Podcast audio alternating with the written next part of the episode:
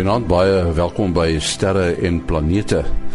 Ons begin met 'n ruimtenis wat geskryf is deur Herman Torin in Bloemfontein. Die mensdom sal binne 10 jaar konkrete tekens van lewe soos ons dit ken in die ruimte vind, voorspel NASA se hoofwetenskaplike Ellen Stofan. Stofan het voortvoorspel dat beslisste bewyse van lewe binne 20 tot 30 jaar gevind sal word. Sy meen dat die wetenskaplikes reeds oor die middele beskik om lewe in die ruimte te soek en dat dit nou geïmplementeer word. Ons is beslis op pad, sê Stofan. Navorsers van die Virginia Tech in die VSA het 'n nuwe metode ontwikkel om waterstof te vervaardig. Die nuwe metode is vinniger en goedkoper as vorige metodes en hulle gebruik boonop die reste van mieliestronke, stingels en pele om die kosbare skoon brandstof te vervaardig. Waterstof is een van die volopste elemente in die heelal, maar kom op aarde natuurlik net in gebonde vorm voor. Bevindinge oor die versnelling waarmee die heelal uitset en waarvoor wetenskaplikes in 2011 met die Nobelprys vir fisika beloon is, word nou deur wetenskaplikes van die Universiteit van Arizona betwis. Die span onder leiding van Pieter A. Milne het data van die Swift-tuig asook Hubble gebruik en tot die gevolgtrekking gekom dat die uitsetting van die heelal wel versnel, maar nie so vinnig soos gemeen is nie. Dit beteken dat die hoeveelheid donker energie in die heelal wat op 68,3% van die energie in die heelal bereken is, aansienlik minder moet wees. Molens se span het bevind dat daar in plaas van net een klas 1A supernova nog twee subklasse is wat die helderheid van hierdie supernova beïnvloed. Hierdie helderheid is as standaard vir die berekening van die afstand gebruik. Tot sover ruimtenis wat geskryf is deur Herman Torin in Bloemfontein. Ons het ons uh, span weer by die mikrofoon, die uh, sterre en planete mikrofoon. Uh, ons het vir Kobus Olkers in Florida, Amerika vir uh, professor Mati Hofman daar in Bloemfontein en natuurlik Willie Koorts in uh, die moederstad in in Kaapstad. Nou, ek het uh, onlangs die uh, die voorreg gehad om 'n bietjie in die Name woestyn rond te loop en ek het toe daarom so gevoel gekry van hoe dit miskien op die maan lyk want uh, jy sien net sand en niks anders nie net blou lig. En uh, maar wat ek wel moet sê Kobus uh, ek het gevoel die son is daar meer teenwoordig as op ander plekke nê Die infrarooi infrarooi komponent het uh, seker 'n bietjie met jou gesels daar maar uh, wat wat uh, ultraviolet aan betref die kry jy maar kry jy maar oral uh maak nie saak of jy in die in die trope sit en of jy op die op die uh maanlandskap van die van die name sit nie. Maar ek wil net 'n bietjie gesels oor uh die son self as uh as as as 'n struktuur. Uh hy is uh lyk vir my 'n redelike onstabiele struktuur. Wat is presies in die middel van die son, uh Kobus? Ehm um, die son is eintlik baie stabiel ek dink ons moet ons as ons, ons wil weet hoe hy in die middel is moet ons moet ons buite begin. Ja, om die waarheid sê ons moet begin so so rukkie voor die son gevorm het. Uh en as mens daarna kyk dan sal jy sien jy het nou die son is is is gekondenseer of saamgedruk. Uh kondenseer is definitief 'n verkeerde woord in hierdie geval. Uh hy hy saamgedruk deur gravitasie van 'n klomp uh waterstof, 'n groot waterstofgaswolk wat wat wat daar was voor die son daar was. En die klomp waterstofmolekules het elkeen aan mekaar getrek soos wat ons nou maar vir gravitasie ken. En ook soos wat ons nou maar uh sal agterkom is as as so 'n klomp goed almal aan mekaar toe trek, dan gaan jy uiteindelik 'n sfeer daai kry, 'n uh, 'n koelronde sfeer uh, wat nou soos die son en die aarde en en al die goed lyk. Ehm um, En wat dan gebeur is die die die gravitasiekragte van van al die kante af is so groot dat jy aan die buitekant van die son uh waar hy nou begin solied lyk vir ons is eintlik nog maar 'n plasma. 'n bietjie dinge laer in is hy dan word hy dan so hard saamgedruk dat hy 'n uh, vloeistof uh sê maar uh, wel bewegende dinge soos 'n vloeistof en dan nog verder saam kry jy 'n uh, soliede massa wat as gevolg van die gravitasie druk die die die atome so, so hard na mekaar toe dat dit solied raak alhoewel dit by vreeslike temperature is en dit eintlik vloeibaar sou moes gewees het en dan heel in die middel van die son word hierdie soliede gedeelte so hard saamgedruk dat die die die atome ten spyte van die die ander sterk uh, uh interatomiese kragte wat wat die atome van mekaar af probeer weghou, druk hy die waterstof atome teen mekaar vas en dan kry jy fusie. Uh met ander woorde waar dis wat binne 'n waterstofbom gebeur of andersom in 'n waterstofbom gebeur wat binne die middel van die son gebeur. Ehm um, hierdie kerns wat saamgedruk word word dan jy kry eers twee waterstofatome en as jy deur die kernreaksie gaan dan sien uiteindelik sit jy met 'n met 'n heliumatoom en jy sit met 'n duisternis van energie wat losgekom het volgens die die ou enetjie ook vergelykingkie wat almal ken die E is gelyk aan mc kwadraat van beroemde ene van Einstein. So 'n massa verskriklike klomp energie word vrygestel gestel in hierdie fusieproses en dit is dan wat die son aan die gang hou. So die middel van die son is 'n kernontploffing of 'n 'n waterstofbomontploffing van miljoene en miljoene en miljoene waterstofbomme soos wat ons hulle ken en hulle is 24 ure 'n dag uh 365 dae van die jaar vir die afgelope ongeveer uh, 10 10 15 miljard jaar in die gang. Maar nou Mati uh, uh, ek het nou die aand gestaan en kyk na Betelgeuse wat wat 'n sogenaamde rooi reus is. Uh, is daar 'n rede waarom dit rooi is? Die rooi kleur is 'n aanduiding van die temperatuur van die ster. Uh, ons kyk spesifiek na termiese straling. Uh, mens kyk ook nie termiese straling maar as ons moet na die optiese lig vanaf 'n ster kyk is dit deel van die termiese straling wat hy uitstraal as gevolg van die de, van die temperatuur. Uh nou sterre wat meer blou-wit vertoon is die gewoonlik die jonger uh warmer sterre en die rooi sterre uh is dan die bietjie ouer sterre en hulle is dan ook koeler temperatuur as ek nou die temperatuur so vinnig probeer onthou weer is dan nog steeds weet ten minste oor 3000 grade Celsius wat die blou sterre sal weer hier oor die 10000 grade Celsius gaan. Ons het eintlik in terme van van uh, Kelvin meer dis 'n konvensie in die wetenskap maar as jy nou by hoë temperature kom dan is die grade Celsius Celsius en die Kelvin omtrent uh, vir praktiese doeleindes uh, dieselfde. Nou ek, ek ek het nou net toe ek nou na uh, jou vraag en na Kobus se antwoord ge, uh, geluister en nou gedink ek wil julle nou so 'n bietjie laat sweet als kyk die son hier op julle nie. Uh, en net verwys na die, die son as 'n onstabiele struktuur en Kobus het probeer uitmaak dat hy eintlik baie stabiel is.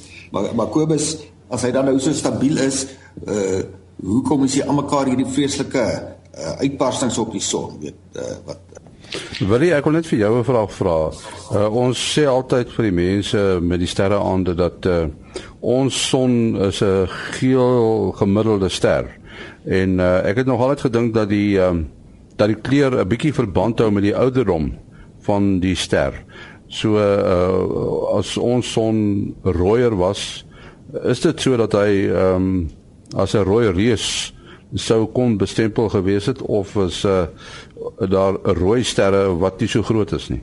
Ja, jy sê ons ons son is 'n gemiddelde ster as, as ek reg onthou is hy 'n G2 uh klassifikasie en die die uiteinde uh, word dan verwag dat as ons son dan op die einde van sy lewe kom soos Kobus uh, nou mooi verduidelik het jy hierdie kernreaksie wat die die ster probeer uitmekaar uitskiet en en jy het nou gravitasie wat hom probeer laat in mekaar weer wil tuimel en dit is is meeste van die tyd dan in balans. So uh um, wanneer die die ster se waterstof dan raak en kom aan die einde van sy lewe, kry jy dan dat uh die kernreaksies begin afneem en en dan begin die die die, die ster onstabiel raak baie mal en uiteindelik begin op opswel en dan sal sy kleur natuurlik verander omdat die temperatuur verander en en dan uiteindelik um as as 'n ster natuurlik baie groter is as die son, ek dink is hierso by die 4 tot 6 sonmassas en meer, dan dan kry jy nou hierdie geweldige supernova ontploffing. Uh um, so dit is natuurlik nou die die die tipiese einde van van 'n van 'n van 'n ster en um wanneer hy dan so ek sê tot sy sy brandstof opgebruik het, uh um begin begin na allerlei uh, ander effekte in te tree. Nou ons sê dat uh die die die tipiese rooi reuse Betelgeuse is een, Antares is nog een. Uh hulle was dan in hulle vroeëre lewe ook geel gemiddelde sterre, is ek reg? Dit is heel moontlik. Ja, uh, uh, ek is nie presies seker van van Antares en die ouens nie, maar hulle is natuurlik heelwat groter as ons son in massa oorspronklik selfs al al toe hulle nog uh in die op die so sogenaamde main sequence was en um en dan uh um, want 'n ster soos Rigel byvoorbeeld is is is tog baie blou en baie warm en en maar is is hele klompie maal groter as ons son. So dit is dan nog 'n ster wat aan die brand is, maar um, in in in sy gewone in sy gewone main sequence die die die hoof uh um, die hoofleeftyd van van enige ster. Um, maar omdat die ster net baie groter is, uh kry jy dat 'n ster soos uh, soos uh, Rigel en selfs Sirius as ek dit reg het, is is uh is net eintlik baie meer massief as as ons ster en brand dan teen 'n baie hoër tempo.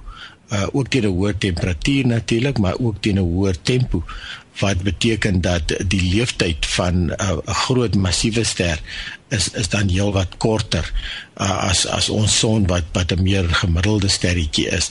En interessant genoeg dan hoe hoe, hoe kleiner 'n ster is oorspronklik wanneer dit gevorm het, uh, uh dit gaan ook vir jou aanduiding gee van sy kleur wat sy temperatuur bepaal, maar uh, is 'n kleiner ster se leeftyd is net baie baie langer as ons son se se 10 miljard jaar uh, se se geskatte leeftyd. Ek kan dalk net daarby voeg die uh, rooi reuse is ook nie almal dieselfde nie. Jy sal die super rooi reuse kry soos Betelgeuse en Antares terwyl die ander kry wat net rooi reuse is. So hulle beginstadium is nie noodwendig uh, uh, dieselfde nie.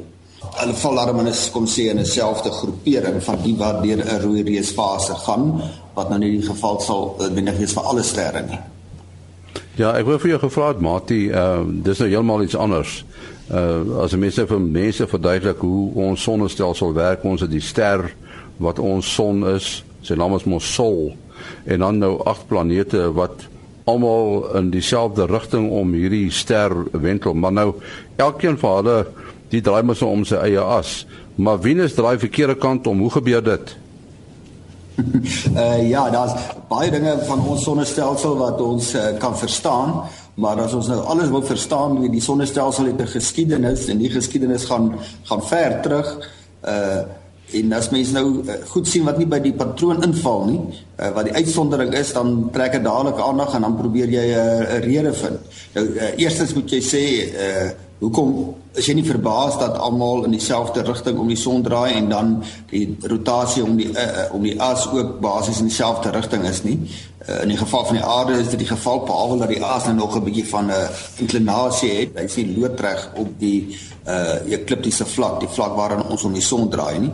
Uh, nou die uh die uh hipotese is maar tans dat alles saam met die son uit 'n skuif van roterende materiaal gekom het wat geroteer het en binne hierdie roterende uh skuif het daar kolke ontstaan wat in dieselfde rigting roteer het en daarso is waar die planete dan uiteindelik gekondenseer het deur botsing van al die kleiner deeltjies en so aan. So so daai tipe van model wat ek nou baie vinnig en rowweg uh, probeer saamvat het kan die patroon verduidelik, maar nou het jy dan skielik die uitsondering, uh soos byvoorbeeld Uranus of uh, Venus. Uranus se as is heeltemal ge anders gedraai en Venus draai in verkeerde rigting. Uh dit moet dan maar uh die standaardverklaring wat ek daarvan gesê het, dit moet te doen hê met 'n botsing. Dit 'n botsing kan enige normale patroon totaal ver, verskeer. Dit, dit kan 'n askantel want jy het nou oordrag van energie en draaimomentum uh van 'n eksterne voorwerp af. Uh en as die botsing energiek genoeg is, kan dit rotasie totaal in 'n ander rigting verander. Uh dis nou maar hoe ek dit verstaan. Uh, wil jy meer detail hê, moet jy gerus daarso byvoeg daai tipe van voorwerpe laat mens maar sweet. Ja nee, dit is ook maar is ook maar wat wat soos wat ek hom verstaan. Uh soos jy sê daar is die uitsonderings en wat ek wel agterkom hulle meer en meer uh begin verstaan is dat uh, die planete het het gemigreer. Hulle is nie hulle het nie on, onnoodwendig ontstaan waar hulle op oomblik is die bane nie. Uh daar was wel baanveranderings wat uit of ingeskuif het en ehm um, wat natuurlik goeters verklaar soos hoekom ons dan om ander uh, eksoplanete het wat nie konformeer met ons sonnestelsel.